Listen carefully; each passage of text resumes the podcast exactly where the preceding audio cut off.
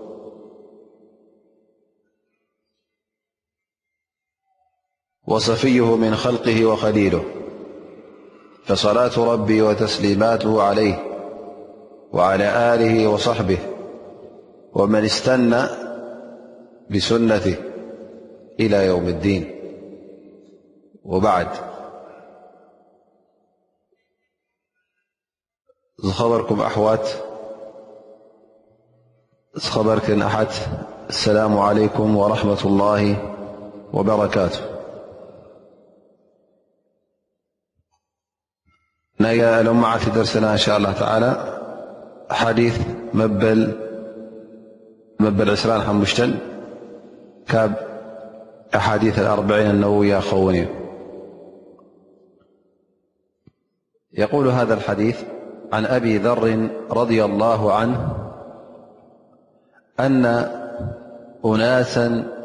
من أصحاب رسول الله صلى الله عليه وسلم - قالوا للنبي - صلى الله عليه وسلم يا رسول الله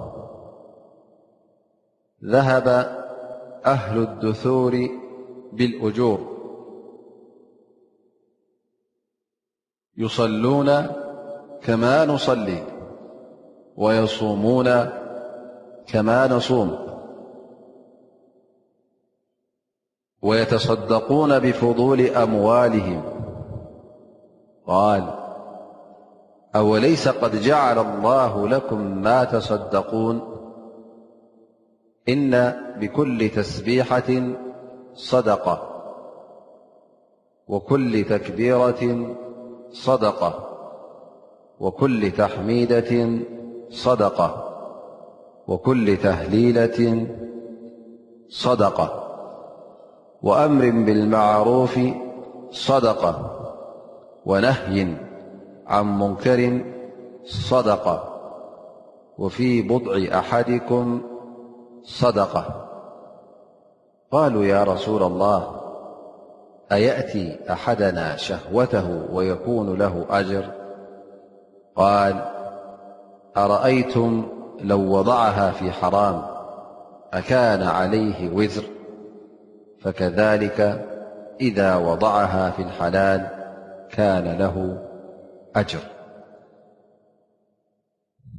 ረዋሁ ልእማም ሙስሊም እዚ ሓዲስ እዚ ብሕፅር ዝበለ ትርጉም ክንትርጉሞ ከለና ይብል ገለ ካብ ኣስሓብ ማለት ብፆት ነቢና ሙሓመድ صለ ላሁ ለ ወሰለም ናብ ረሱሉ ላህ ለ ላሁ ለ ወሰለም መፂኦም ያ ረሱላ ላህ እቶም ሰብ ገንዘብ ሰብ ማል ኩሉ ተኣጅሪ ደሊቦሞ ከይዶም ምኽንያቱ ልክዕ ከማና ይሰግዱ ፆም እውን ከምቲ ንሕና ንፆሞ ይፆሙ ኣብ ርእሲኡ ድማ ካብቲ ረቢ ዝሃቦም ገንዘብ ስያዳ ትርፊ ዘለዎም ድማ ሰደቃ የውፅኡ ስለዚ ንሶም ካባና በሊፆም ሒሾም ምስ በሉ እነቢ صለ ላه ለ ወሰለም እንታይ ኢሎም ይምልሱሎም ኣላ ስብሓን ወተላ ንዓኹም እውን እትስደቕዎ ገይሩልኩም እንድዩ ምኽንያቱ ኣብ ዝኾነ ተስቢሕ ወይ ከዓ ብዝኾነ ተስቢሕ ምህለላ ትገብሮ ሰደቃ ኣብ ዝኾነ ተክቢር ኣላ ኣክበር ትብሎ ዚክር ማለት ኣላ ኣክበርካ ዝጠቕሶ ሰደቃ ኣልሓምዱላ ኢልካ ተመስግን ከለኻ ሰደቃ ላኢላ ኢላላ ኢልካ ተህሊል ክትገብር ከለኻ ሰደቃ ኣለካ ከምኡ ውን ናብ ፅቡቕ ነገር ክትእዝዝ ካብ እከይ ክትክልክል እንከለኻ ኣምርን ብልማዕሩፍ ናይ ዓ ሙከር ክትገብር ከለኻ ውን እዚ እውን ሰደቃ እዩ ኣብ ርእሲኡ ድማ ካብኡ ሓሊፉ እቲ ንገዛእ ርእሱ ንዊንታኹም ንስምዒትኩም ኢልኩም እትገብርዎ ናይ ስጋዊ ርክብ ምስ በዓልቲ ቤትኩም እውን ሰደቃ ኣለዎ ኣጅር ኣለዎ ይብሉ ነቢ ለ ላ ለ ወሰለም ብፆት ነቢና ሙሓመድ ለ ላ ለ ወሰለም እቶም ኣስሓባ ያ ረሱላ ላ ንሕናስ ንዊንታናን ንስምዒትናን ምርዋይ ኢልና እንገብሮ ኣጅሪ ኣለዎ ኢሎም ይሓቱ ማለት እዩ ፈነቢይ صለ ላ ለ ወሰለም እዚ ነገር እዚ ኣብ ሓራም ገይርዎ ነይሩ ቶ ዝኸውን እዚ ተግባር እዚ ብሓራም ፈፂምዎ ነይሩ ቶ ዝኸውን ዘንቢ ደዩ ተፃሕፈን ነይሩ ኢሎም ይሓቱ እቶም ብፆቶም ከዓ እንታይ ኢሎም ሽዑ ከዓ እንታይ ኢሎም ይምልኡ ነቢ ስለ ላ ለ ሰለም ልክዕ ከምኡ ድማ ኣብ ሓላል ክፍፅሞ ከሎ ነዚ ተግባር እዚ ኣላ ስብሓን ወተዓላ ኣጅሪ ይኸትበሉ እዩ ኢሎም እነቢ ስለ ላ ለ ወሰለም ዘረብኦም ይድምድሙ እዚ ብሕፅር ዝበለ ትንተና ናይዚ ሓዲስ ናይ ሎም መዓልቲ ይኸውን ማለት እዩ እዚ ሓዲስ እዚ እንሻ ላ ብዝያዳ ትንተና ክንህበሉ ኢና ከምቲ ዝሰማዕናዮ መቸም ብዙሕ ነገራት ቀንድታት ዝሓዘ ሓዲ ስለ ዝኾነ ካብቲ ትሕዝቶ ናይዚ ሓዲስ እዚ ንኣብነት መገዲ ናይ ር ናይ ሰናይ ኣጅሪ ትረኽበሉ ተግባራት ውሑድ ከም ዘይኮነ እንታይ ደኣ ብዙሕ ከም ዝኾነ ስለዚ ሓደ ነገር እንተ ክትፍፅሞ ዘይከኣልካ ክትገብሮ ዘይከኣልካ ካልእ ነገር ኣሎ ክትገብሮ እትኽእል ከምኡ ውን እቲ ወደቂ ሰብ ክወዳደርሉን ክቀዳደምሉን ክጓየይሉን ዝግባእ ድማ ፍሉይ ሜዳ ኣሎ ንሱ ከዓ ናይ ኣየናይ ሜዳ እዩ ናይ ሰናይ ተግባር ናይ ር ምግባር ይኸውን ማለት እዩ ከምኡ ውን ካብቲ ትሕዝቶ ናይ ዝሓዲስ እዚ እቲ ሙባሕ ዝበሃል ማለት እንተገበርካዮ እንተዘይገበርካዮን ኣላ ስብሓን ወተላ ኣፍቂዱልካ ከም ዕባዳ ዘይኮነስ ከም ንነፍስኻን ንዓኻ ንጠቕምኻን ኢልካ ትገብሮ ነገር ኣላ ስብሓን ወተላ ሓላል ዝበለካ ንዚ እውን እንተ ደኣ ንያኻ ኣቕኒዕካ ብቕኑዕ ንያ ናብ ኣጅሪ ናብ ዕባዳ ከም ዝልወጥ ርኢና ማለት እዩ ኣብ ርእሲኡ ድማ ነቢ صለ ላه ለ ወሰለም ኣብዚ ሓዲስ እዚ ገለገለ ነገራት ብዓቂንና ቀይስና ክንፈልጦ ከም እንኽእል ቅኑዕ ድዩ ጌጋ ድዩ ብምቕያስ ብምዕቃን ክበርሃልና ከም ዝኽእል ከም ሓደ ካብቲ መርትዖታት እንጥቀሞ ከም እንኽእል ነቢ ለ ላ ለ ወሰለም እውን ኣርእሙና ማለት እዩ እዚ ሓዲስ እዚ እቶም ኣስሓብ ነቢ ለ ላ ለ ወሰለም ይኹኑ እቶም ብድሕሪኦም ዝመፁ ሰዓብቲ ነቢና ሙሓመድ ለ ላ ለ ወሰለም ካብቶም ታዕብዒን እቶም ቀዳሞት እስልምና ሒዞም ዝኸዱ ዝነበሩ እዞም ሰባት እዚኦም ክሳዕ ክንደይ ትጉሃት ክሳዕ ክንደይ እውን እቲ መገዲ ር ንክረኽቡ ወይ ከዓ ነቲ ሰናይ ክሳዕ ክንደይ ቀዳደምሉን ይወዳደርሉን ከም ዝነበሩ የብርህ ማለት እዩ ምክንያቱ እንታይ እ ዘርእየና ዘሎ እዞም ኣስሓብ ነቢ እዞም ድኻታት ዝነበሩ እኹል ገንዘብ ነብሶም ኮይኖም ንካልእ ክህቡ ናብ ናይ ገንዘብ ዒባዳታት ዘድልዮ ናብኡ ክሰግሩ ዘይክእሉ ንኣብነት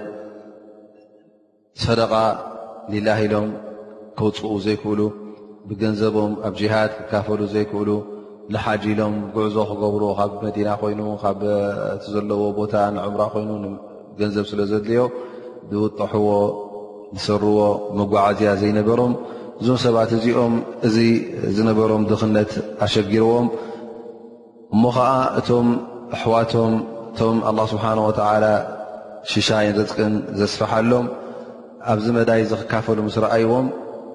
ናብ ነቢና ሙሓመድ ለ ላ ለ ወሰለም ቀሪቦም ክጠርዑ ንረኽቦም ማለት እዩ እቲ ጥርዓኖም እንታይ እዩ? ምእንቲ ነቶም ቀዲሞሞም ዘለዉ ኣሕዋቶም ንምርካብ ካብኦም ንኸይሰንፉ ድሕሪት ንኸይተርፉ ምኽንያቱ እዚ ሜዳ እዚ እዚ መዳይ እዚ ናይ ውድድር ስለ ዝኾነ ኣብዚ ጉዳይ እዚ እውን ወዲ ሰብ ክቀዳደምን ክሰንፍን ከምዘይብሉ እዩ ዘርእየና ዘሎ ማለት እዩ ከማ ቃል ስብሓን ወተላ ወፊ ሊከ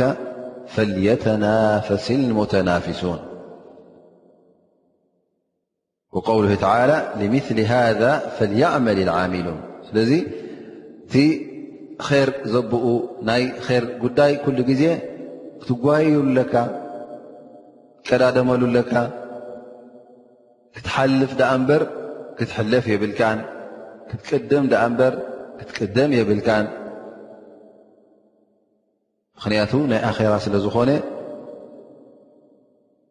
ኣብዚ ናይ ኣራ ጉዳይ ክንሰንፍ የብልና ኩልሃና ክንጓየ ኣለና ነቢ صለ ላه ለ ሰለም ኣብ መዲና ምስ መፁ ክልተ ውርያት ቀቢላ ነረን ማለት እዮም እቶም ኣንሳር ዝበሃሉ ኣብ ክልተ ዓበይቲ ቀቢላ ኦስ ኸዝረጅ ዝበሃላ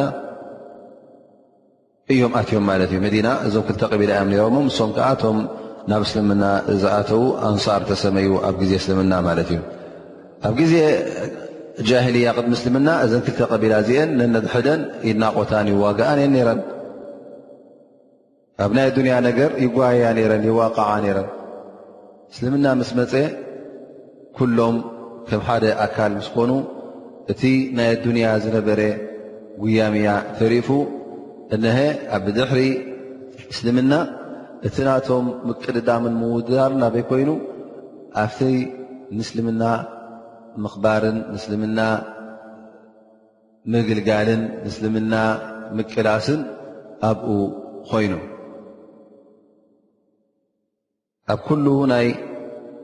ር መዳይ ውን ንክተርፉ ይደልዩ ነበሩን እንተ ተሪፎም ውን ቂር ይብሎም ነይሩ ወላ ጉድለት እናተረክበ ከሎ እቲ ዝገበርዎ ጉድለት ውን ብዕዙር ብምኽኒት ቅቡል ምኽኒት ከለዎም ደስ ብልዮም ኣይነበረን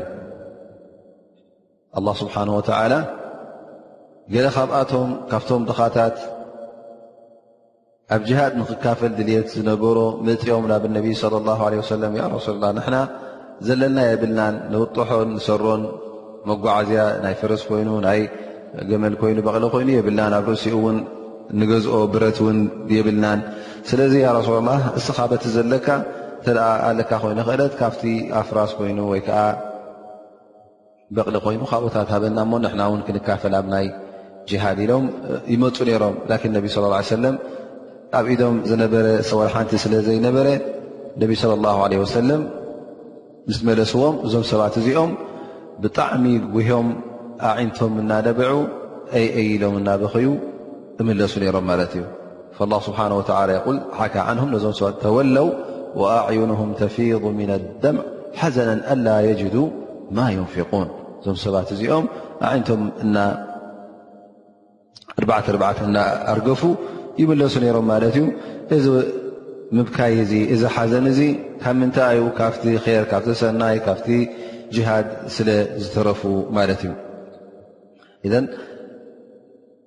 እቲ ምቅድዳም ኩሉ ግዜ ኣብቲ ናይ ኣኼራ ነይሩ ማለት እዩ። ናይ ኣዱንያ ግን ኣብኡ ክትቀዳደም የብልካን። እዚ ናይ ኣዱንያ ነገር ምእንቲ ሃብቲ ገንዘብ ምድላብ ወይ ከዓ ካልእ ዓይነት ናይ ኣዱንያ ብልጫ ንምርካብ እዚ ነገር እዚ ክትጓየሉ ግን ኣብ እስልምና ፍቱው ኣይኮነን እንታይ ደኣ ፅሉእ ይኸውን ማለት እዩ።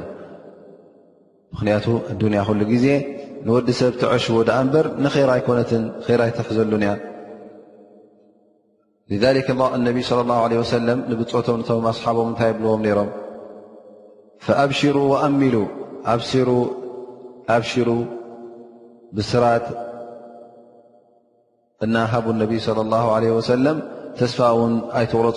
النابلو وأملوا ما يسركم مع يلو نعخم زحجسي فوالله ما الفقر أخشى عليكم ولكني أخشى عليكم أن تبسط الدنيا عليكم كما بسطت على الذين من قبلكم فتنافسوها ከማ ተፈሱ ትሊከኩም ከማ ኣለከትኩም ነቢ ስ ሰለም ነቶም ብፆቶም ኣነ ድኽነት ወይ ስእነት ኣይኮንኩም ዝፈርሃልኩም ዘለኹ ግን እቲ ዘፍርሃ ንቐንዲ እዛ ኣዱንያ እዚኣ ከይትኽፈት ንዓኹም እሞ እንተኸፊታ ከዓ እቲ ርዝቅን ሽሻይን ብኩሉ ተረኺቡ በዚሑ ናብኣ ልብኹም ጌርኩም ከይትጓየዩ እሞኒ ኣብ መጨረሻ ከምቶም ቅድሚ ሕጂ ደድሕሪ ኣዱንያ ተጓይዮም ዝሃለቑ ከምኦም ከይተሃልቁ ዩ ዘፍርሃኒ ዘሎ ኢሎም እነቢ ለ ላ ለ ወሰለም ይጠቕሱ ነይሮም ማለት እዩ እዚ ሓዲስ እዚ እውን ካልኣይ ዓይነት ትሕዝቶ ዘቕርበልና ካብቲ ትሕዝቶታቱ ማለት ኣብ መንጎ ሓሰድን ቂብጣ ዝበሃልን ፍልልይ ከም ዘሎ የርእየና ማለት እዩ ሓሰድን ቂብጣን ብቋንቋ ዓረብ ሓሰድ ቂብጣ ሓሰድ ክበሃል ከሎ ትርጉም ኣለዎ ቂብጣ ክበሃል ከሎ ከዓ ትርጉም ኣለዎ ቂብጣ ክበሃል ከሎ እንታይ እዩ እንተ ሓደ ሰብ ገለ ሰናይ ነገር ረኺቡ ሰናይ ነገር ኣብ ኢዱ ርኢኻ እሞ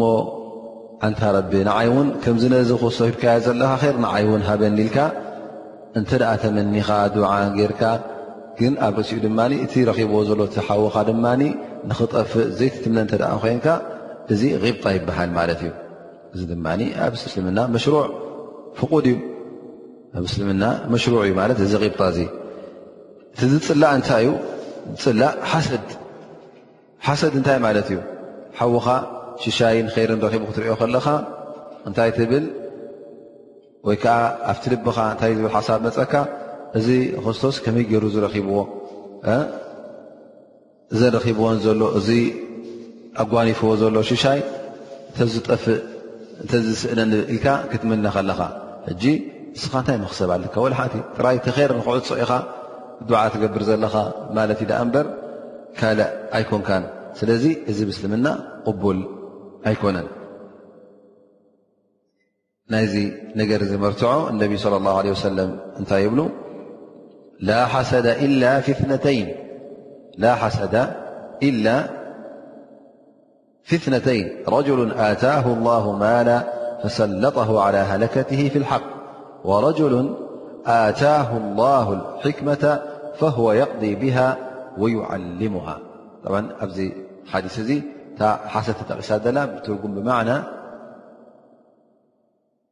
እንታይ ማለት እዩ ብማዕና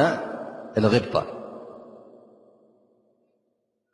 ነቢ صለ ላ ለ ወሰለም እተ ብጣ እተ እቲ ሸሪዓዊ ሓሰት ቅቡል ሓሰት ክትገብር እተ ኮንካ ተብጣ ኣብ ክልተ ነገር ክትገብሮ ትኽእል ሓደ እንተ ሓደ ሰብ ረቢ ገንዘብ ሂብዎ እዚ ገንዘቡ ድማ ኣብ ሰናይ ነገር ጥራይ ዘጥፍኦ ኣብ ር ኣብ ረቢ ዝፈትዎ ነገር ዘጥፍእ ክኸውን ከሎ እዚ እንታይ ይኸውን ቅቡል ይኸውን ማለት እዩ ወይ እውን ሓደ ሰብ ኣላ ስብሓን ወተላ ዕልሚ ሂብዎ እሱ ከዓ በዚ ዕልሚ እዚ በዚ ፍልጠት እዚ በዚ ሕክማ እዚ ር ክገብር ክትሪኦ ከለኻ ሰናይ ክገብር ር ክገብር ናብ ሰብ ከብፅሕ ንሰብ ከምህር በቲ ዝፈለጦን በቲ ተምሃሮን ውሳነ ክህብን ክፈርድን ክትሪኦ ከለኻ ከምኡ ንክትከውን ድማ ክትምነ ከለካ ክትደሊ ከለኻ እዚ እውን ኣብ ሸርዒ እስልምና ቅቡል ይኸውን ማለት እዩ ፈዞም ኣስሓብ ነቢ صለ ላه ለ ወሰለም ነዚ ነገር እዚ ኣብ ግብሪ ውዒሎሞ ማለት እዩ እቲ ቂብጣ ናቶም ተረኺቡ ተረእዩ ማለት እዩ እቶም ኣሕዋቶም ሃፍታማት ዝያዳ ኣጀ ክረኽቡ ምስ ረኣይዎም ከምኦም ክኾኑ ደልዮም ንዕኦም ንኸርክቡ ንሶም ክበልፅዎም ስለ ዘይደለዩ ናብ ነቢ صለ ላ ለ ወሰለም መፅኦም ጥርዓኖም ኣቕሪቦም ማለት እዩ ምእንቲ እቶም ኣሕዋቶም ካብኦም ንኸይበልፁ ንሶም ከምኦም ንክኾኑ እቲኦም ረኺቦም ኣለዉ ረቢ ንሕና እውን ያ ረሱላ ላ ንሕና ውን ሶም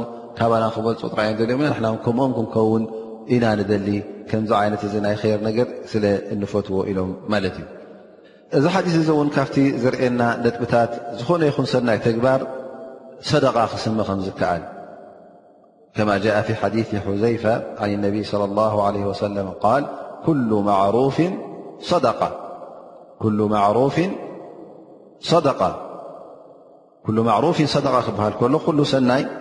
ተግባር ሰደቃ እዩ ዝቁፀር ሰናይ ነገር ክትገብር ከለኻ ፅቡቕ ነገር ክትገብር ከለኻ ናብ ኣሕዋትካ ዝበፅሕ እተ ኮይኑ እቲ ዒባዳ እተ ኮይኑ ናብ ኣላ ስብሓን ወተላ ንዓኻ ንበይንኻ ዝጠቅም ይኹን ወይ እውን ናብ ካልኦት ዝሰግር እተ ኮይኑ እዚ ኩሉ ሰደቃ እዩ ዝቁፀር ማለት እዩ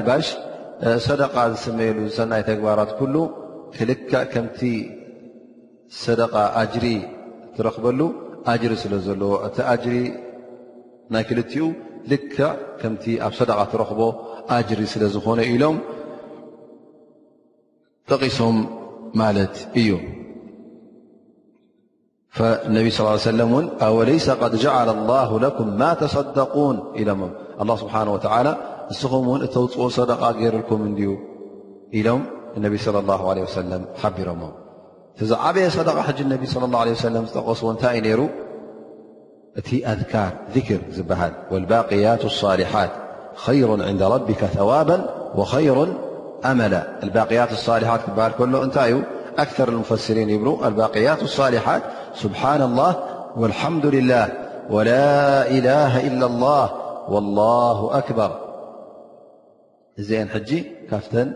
ኣዝካር ባቅያት ኣሳሊሓት ዝበሃላ ይኾና ማለት እዩ ስለዚ ንኣላ ስብሓን ወተላ ስብሓና ላ ክትብል ከለኻ ካብ ኩሉ ጉደት ዘብኡ ካብ ኩሉ ሕማቕ ነገራት ካብ ኩሉ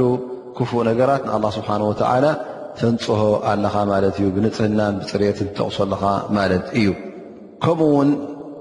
ላኢላሃ ኢላ ላ ክትብል ከለኻ ኣላ ስብሓን ወተላ እቲ ኣምልኾት ብጀካ ንኡ ንኻልእ ክወሃብ ከም ዘይፍቀድ ብሓቂ ኣምልኾት ዝግብኦ እውን ኣላ ስብሓን ወተላ ጥራይ ከም ምዃኑ ትጠቅስ ኣለኻ ማለት እዩ ኣልሓምዱላ ክትብል ከለኻ ድማ ንኣላ ስብሓን ወተላ ትመስግኖ ኣለኻ ማለት እዩ እዚ ምስጋና እዚ ብምንታይ ተላዕጠጠ እዩ ብውደሳ እተላዕጠጠ ውደሳ ዝመልኦ ምስጋና ይኸውን ማለት እዩ ከምኡ ውን ኣላሁ ኣክበር ክትብል ከለኻ ንኣላ ስብሓን ወተላ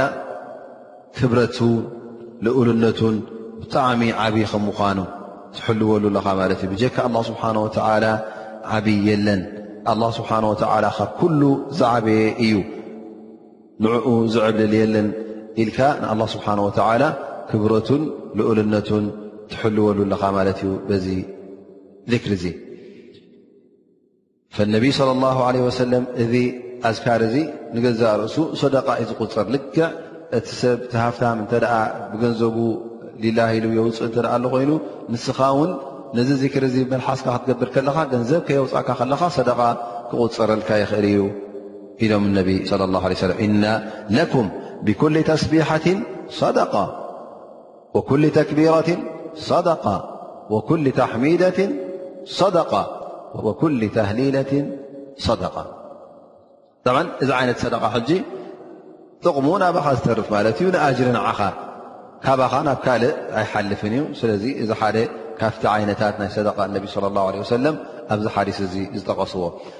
ካልእ ዓይነት ውን ሰደቃ ጠቒሶም ንስኻ ኣጅሪ ትረኽበሉን ኣብ ርእሲኡ እውን ካልኦት ኣሕዋትካ ረብሓ ዝረኽብሉን ካልኦት ኣሕዋትካ ረብሓ ዝረኽብሉ ሓደ ሰብ እተ ናይ ገንዘብ ሰደቃ ኣውፅኡ እሱ ኣጅሪ ረክብ እቲ ሓዉ ድማ በዚ ገንዘብ እዚ እቲ ድኻ ተባሂሉ ወይ ከዓ ስኡን ተባሂሉ የቲም ኮይኑ ንኣብነት ትህቦ ዘለካ ገንዘብ ሰደቃኻ በቲ ገንዘብ እቲ ይጥቀም ማለት እዩ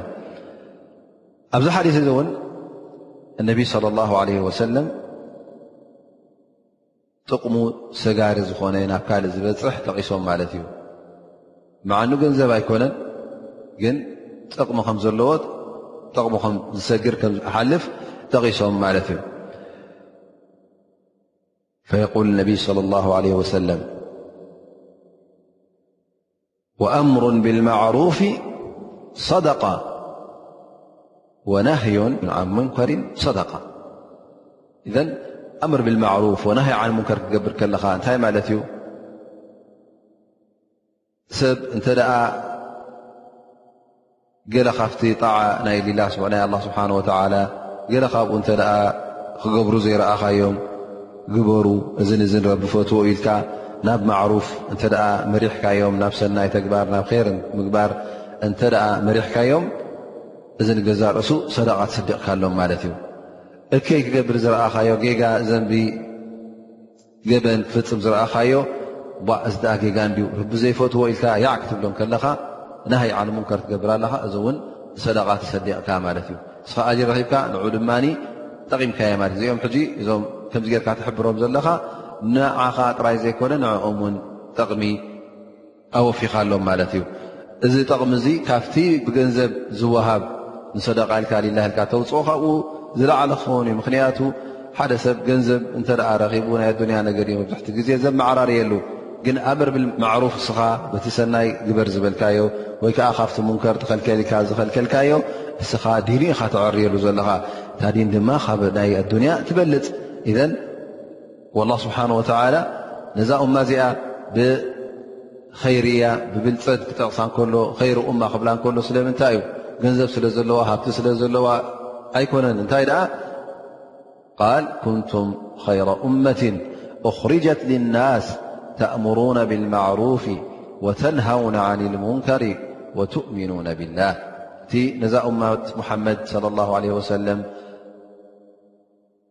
ኸይርያ ናታ ወይ ከዓ ብልፀት ናታ ዘግልሃላ እንታይ እዩ ምኽንያቱ እዛ እማ እዚኣ ኩሉ ግዜ ናብ ሰናይ ንሰናይ ትመርሕ ስለ ዝኾነት ንሰናይ ትሕብር ካብ እከይ ካብ ጌጋ ውን ካብ ገበን ውን ትኽልክልን ያዕትብልን ስለ ዝኾነት እየ ኢዘን ሓደ ካብቲ ርብሓናቱ ጥቕምናቱ ነብስኻ ጥራይ ዘይኮነ ንካልኦት ኣሕዋትካ ዝሰግር ስለ ዝኾነ እዚ ኣምር ብልማዕሩፍ ወነሃ ኣን ሙንከር እውን እነቢ ለ ላ ለ ወሰለም ጠቒሶሞ ማለት እዩ ክልተ ዓይነት ጠቒሶም ስለዚ እቲ ሓደ ረብሕኡ ጥራይ ጠቕሙ ንዓኻ ከም ዝክር ስብሓን ላ ወልሓምዱላ ኢልካ ትደግሞ ትደጋግሞ እቲ ጠቕሙ ሰጋር ዝኾነ ከዓ ኣምር ብልማዕሩፍ ወነሃ ኣን ሙንከር ጠቒሶም ማለት እዩ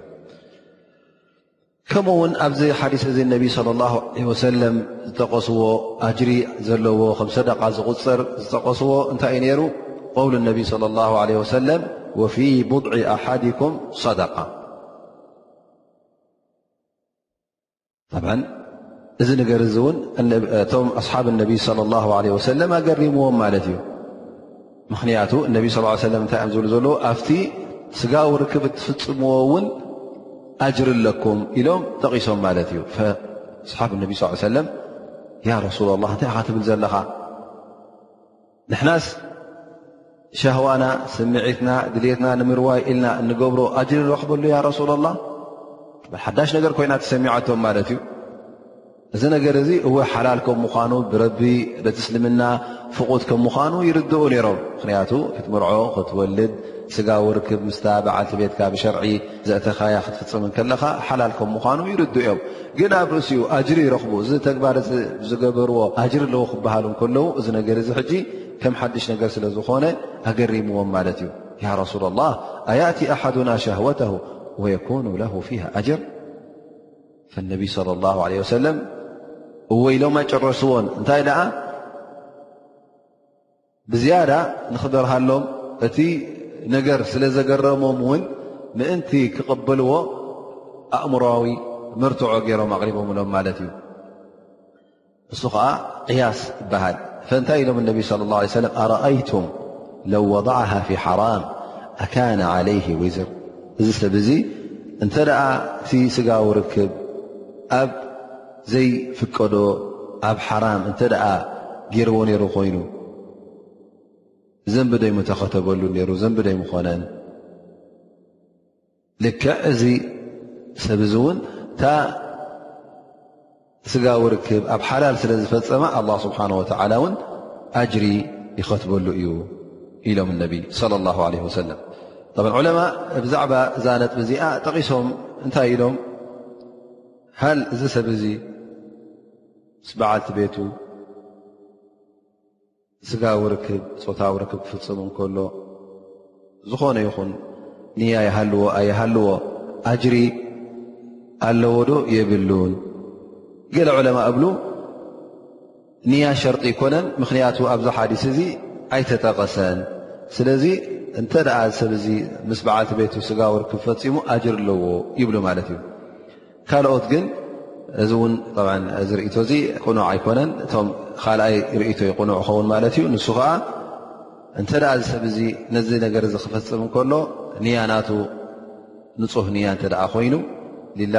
ዘ ወጀል ምስቲ ሸርዒ እስልምና ዝቃዶ እንተ ኮይኑ ሽዑ ዩ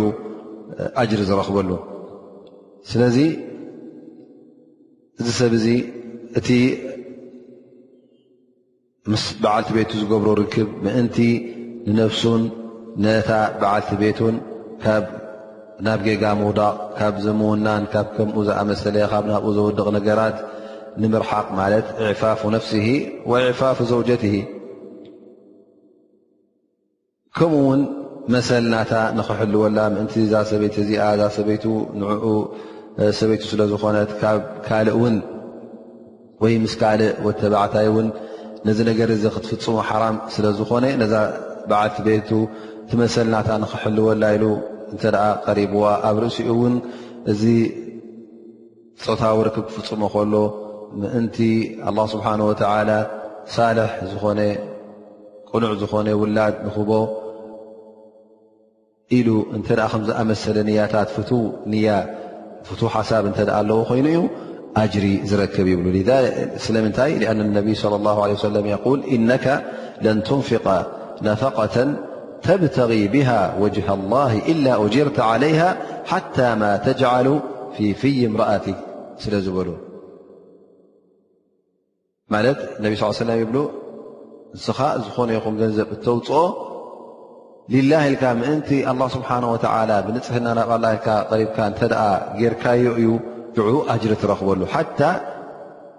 ማ ተጅዓሉ ፊ ፍይ እምርኣትክ ወላ እቲ ኣብ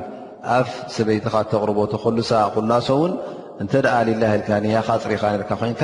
ኢኻ ኣጅሪ ትረኽበሉ ኢሎም እነቢ ለ ላ ለ ሰለም እዚ ሓዲስ እዚ እንታይ ትምህርቲ ሂቡና ማለት እዩ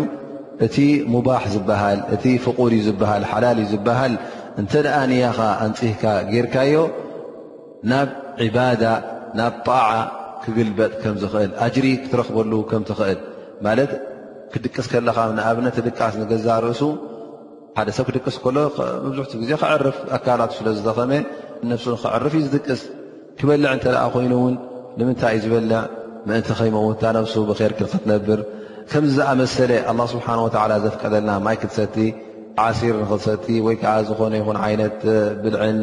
ኣ ስብሓ ላ ዘፍቀደልካ ስጋ ኮይኑ ካልእ ዓይነት ኮይኑ ክትበልዕ ከለካ እ ንገዛ ርእሱ ሓላል እዩ ሙባሕ እዩ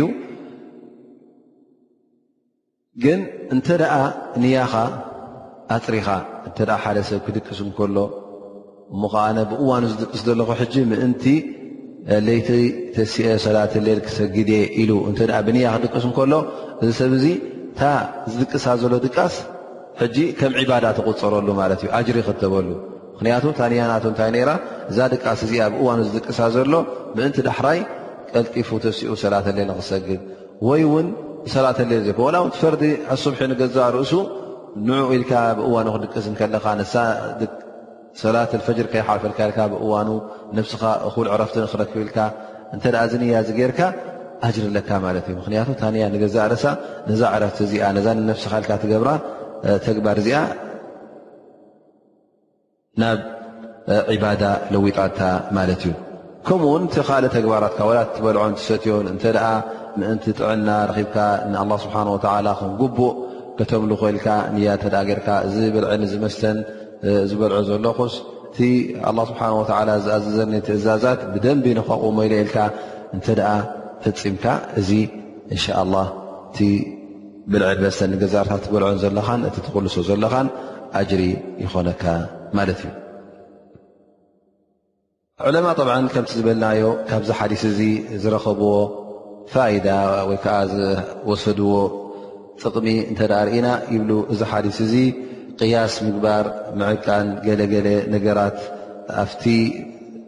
ሸርዒ እስልምናና ብስሙ ዘይተጠቕሰ ነገር ውሳነ ዘይተዋህቦ ነገር እንተ ኣሎ ኮይኑ ምስቲ ውሳነ ተገብሮ ተዋህቦ ነገራት ምስኡ ቀይስካ ምስኡ ዓቂንካ እንተ ልክዕ ከምኡ ኮይኑስ ናቱ ውሳነ ክትህብ ከም ትኽእል እዩ እዚ ሓዲስ እዚ ኣስተምህሩና ይብሉ ማለት እዩ ምክንያቱ እነቢይ ስለ ላ ለ ወሰለም ነቶም ብፆቶም እንታይ እዮም ኢሎሞም ብዛዕባ እቲ ናይ ፆታዊ ርክብ ኣጅሪ ከም ዘለዎ ምስ ሓበርዎም ያ ረሱላ ላ ከመይ ገይሩ ድኣ እዚ ነገር እዚ ስምዒደይ ንሕና ንስምዒትና ንምርዋይ ኢና ንገብሩ ሞ ከመይ ገይሩ ኢሎም ምስ ሓተቱ ነቢ ለ ላ ለ ወሰለም ነዚ ምስ ምንታይ ዓቂኖ ምስ ምንታይ ቀይስዎ ማለት እዩ ምስቲ እዚ ነገር እዚ እንተ ኣብ ሓራም ጌርካዮ ዘንብለካ ዶ ልክዕ ኢሎም ቅያስናቱ ወይ ከዓ ቅናቱ ነዚ ነገር እዚ ድማ ብኣንፃሩ ኣብ ሓላል ክትገብሩ ከለኻ ኣጅሪ ኣለካ ይብሉ ማለት እዩ ኣብ መጨረሻ እንሻ ላህ ሕፅር ሕፅር ዝበላ ፋይዳ ክንጠቅስ ንደሊ ካብቲ ፋይዳ ንረኽቦ ኣብዚ ሓዲስ እዚ እቲ ዕልሚ ዝህብ ሰብ ሰዋእን ዓለም ኮይኑ ወይ እውን እታ ዘላትካ ዕልሚ ሒዝካያ ዘለኻ ከተቕርባ ከለኻ ነቲ ትብሎ ዘለኻ ቃል ነቲ ትብሎ ዘለኻ ኣስተምህሮ ደሊል ጌርካ ከተቕርቦ ከለኻ ማለት ምስ መርትዖኡ ጌርካ ከተቕርቦ ከለኻ እዚ ብዝያዳ ተቐባልነት ይረክብ ማለት እዩ ብዝያዳ ተቐባልነት ፈነቢ ስለ ላ ለ ወሰለም ንገዛእ ርእሶም ኣብዚ ሓዲስ እዚ እንተ ርኢና ኣስሓብ ነቢ እታ ዘምፅዋ ጉዳይ ናይ ፆታዊ ርክብ ኣጅሪ ከም ዘለዎ ምስ ሓበሩ ተገሪሞም ማለት እዩ ፈነቢ ለ ላ ለ ወሰለም ኣብኡ ከለዉ እቲ ጉዳይ ኣይዓፀውዎን እወ ኢሎም ኣጅሪ ኣለዎ ኢሎም ኣይዓፀዎን እንታይ ደኣ ከረድእዎም ፈትሎም ብምንታይ ብመርትዖ ገይሮም ኣቕሪቦምሎም ማለት እዩ ስለዚ እንተ ደኣ እስኻ ውን ሰብኣን ዓለም ኮንካ ወይ ውን ኣስተምህሮ ትህብ ኣለካ ኮንካ እንተ ደኣ መርትዖ ተሓቲትካ መርትዖኻ ከተቕርብ ኣለካ ሰብ እውን ክሓተካ ከሎ ጠርጢሩካ ማለት ኣይኮነን እንታይ ደኣ ብዝያዳ ነቲ ነገር ክርድኦ ኢሉ ብዝያዳ ድማ ነቲ ጉዳይ ክዓግበሉ እዩ ዝሓትት ዘሎ ስለዚ ኩሉ ግዜ ዝኾነ ይኹን ደርሲ ክትህብ ከለኻ ወይከዓ ዕልሚ ዳዕዋ ክትገብር ከለኻ ምስ መርትዖ ክተቕርቡ ከለኻ ነቲ ዝሰምዕ ዘሎ ኣዕጋቢ ኮይኑ ይርከብ ኣብዚ ሓዲስ እዚ እውን ካልኣይ ነጥቢ እንወስዶ እንታይ እዩ ዘርእየና ዘሎ ወዲ ሰብ ምስ በዓልቲ ቤቱ ወተባዕታይ ብዝያዳ ፅቡቕ ኣነባብራ ገይሮ ክነብር ከም ዘለዎ ዝኾነ ይኹን ሰናይ ክገብር ከሎ ንበዓልቲ ቤቱ እውን ንሳ ውን ር ክገብረሉ ከላ እዚ ጉዳይ እዚ ከም ዒባዳ ገይሩ ክሪኦ ከም ዘለዎ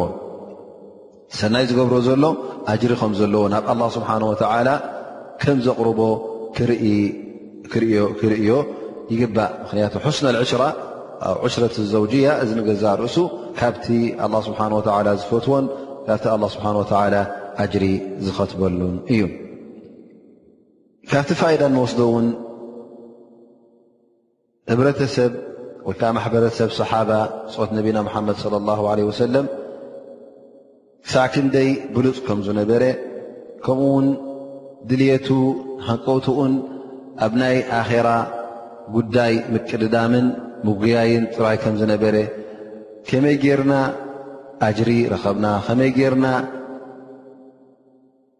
ኣጅሪ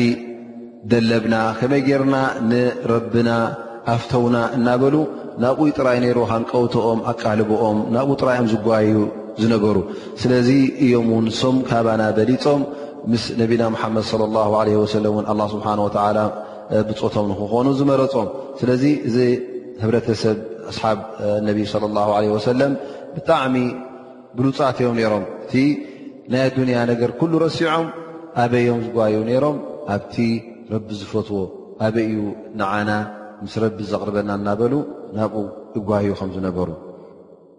ከምኡ ውን እዚ ሓዲስ እዚ እንታይ ይርእና ማለት እዩ ኩሉ ግዜ እቲ ጉዳያት ከመዓራርዮም ከለና ወይ ከዓ ከነዕርዮም ከለና ጥበብ ክንጥቀም ከም ዘለና ሕክማ ክንጥቀም ከም ዘለና እነቢይ ለ ላ ለ ወሰለም እዞም ብፆቶም መፅኦም ያ ረሱላ ላ እቶም ሃፍታማት ተኣጅሪ ኩሉ ወሲዶ ሞ ከምቲ ንና ንሰግዲ ንፀው ንፆሙ ሶም ግን ሰደቃ የውፅኡ ና ነውፅ ኢሎም ዝተዛረቡ እነቢ ለ ላ ለ ወሰለም ኣነ ሞ እንታይ ክገብረልኩም እየ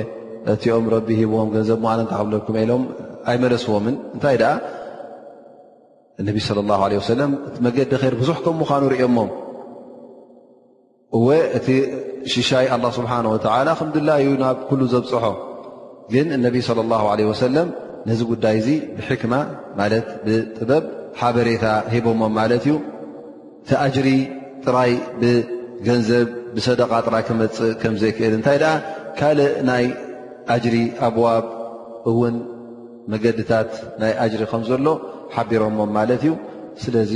እዚ ንገዛእ ርእሱ ከም ዝኣመሰለ ዘረባ ክመፀካ ከሎ እውን እንታይ የድልየካ ማለት እዩ ሕክማ ወይ ከዓ ጥበብ የድልየካ ማለት እዩ ኣብ ርእሲኡ እውን እዚ ሓዲስ እዚ እንታይ የርእየና እቲ ሃፍታም ኣላ ስብሓን ወተዓላ ሃብቲ ክህቦ ከሎ እሞ ከዓ በቲ ኣላ ስብሓን ወተዓላ ዝሃቦ ሃብቲ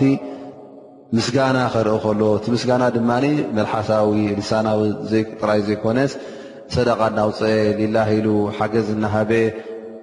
ኣብ ር ዘብኡ ነገር ኣብ ናይ ጅሃድ ኣብ ናይ ካልእ መዳያት እናተካፈለ ገንዘቡ ላዕልን ታሕትን ኣፍትን ናፍትን ከጥፍኦ ከሎ ኣብቲ ረቢ ዝፈትዎ እዚ ሓደ ምስጋና ናይቶም ሃፍታማት ምስጋና ስለ ዘርኢ ብልፀት ናቶም የርእየና ኣሎ ማለት እዩ ከምኡ ውን ድኻ ኮይኑ እዚ ድኻ እዚ ሕፅረት ናይ ገንዘብ ብዘጓነፎ ከይተሸገረ ከየንፀርፀረ ተዓጊሱ ኣልሓምዱሊላህ ኣነ እውን ኣላ ስብሓን ወተዓላ ገንዘብ እንተዘይሃበኒ ሽሻይ ርፅ እንተዘይስፋሓለይ ካልእ መገዲ ኣለኒ ኣጅሪ ዝድርበሉ ኢሉ ኣብቲ ካልኣ መዳያት ክዋፈር እንከሎ እዚ ናቱ ሰብርን ናቱ ምስጋናን እውን ክርኢ ከሎ ብልፀት ኣለዎ ማለት እዩ ኣላ ስብሓን ወተዓላ እቶም ሃፍታማት እቶም ድኻታት ከምቲ ኣላ ስብሓን ወተዓላ ዝሃቦም ገይሮም ክዋፈሩ ከለዉ እዞም ሰባት እዚኦም ውን ብልፀት ኣለዎም እቲ ስለ ዘመስገነ በቲ ኣላ ስብሓን ወተላ ዝሃቦ እቲ ድኻ ውን ትዕግስትን ሰብርን ስለ ዝገበረ ኣላ ስብሓን ወተላ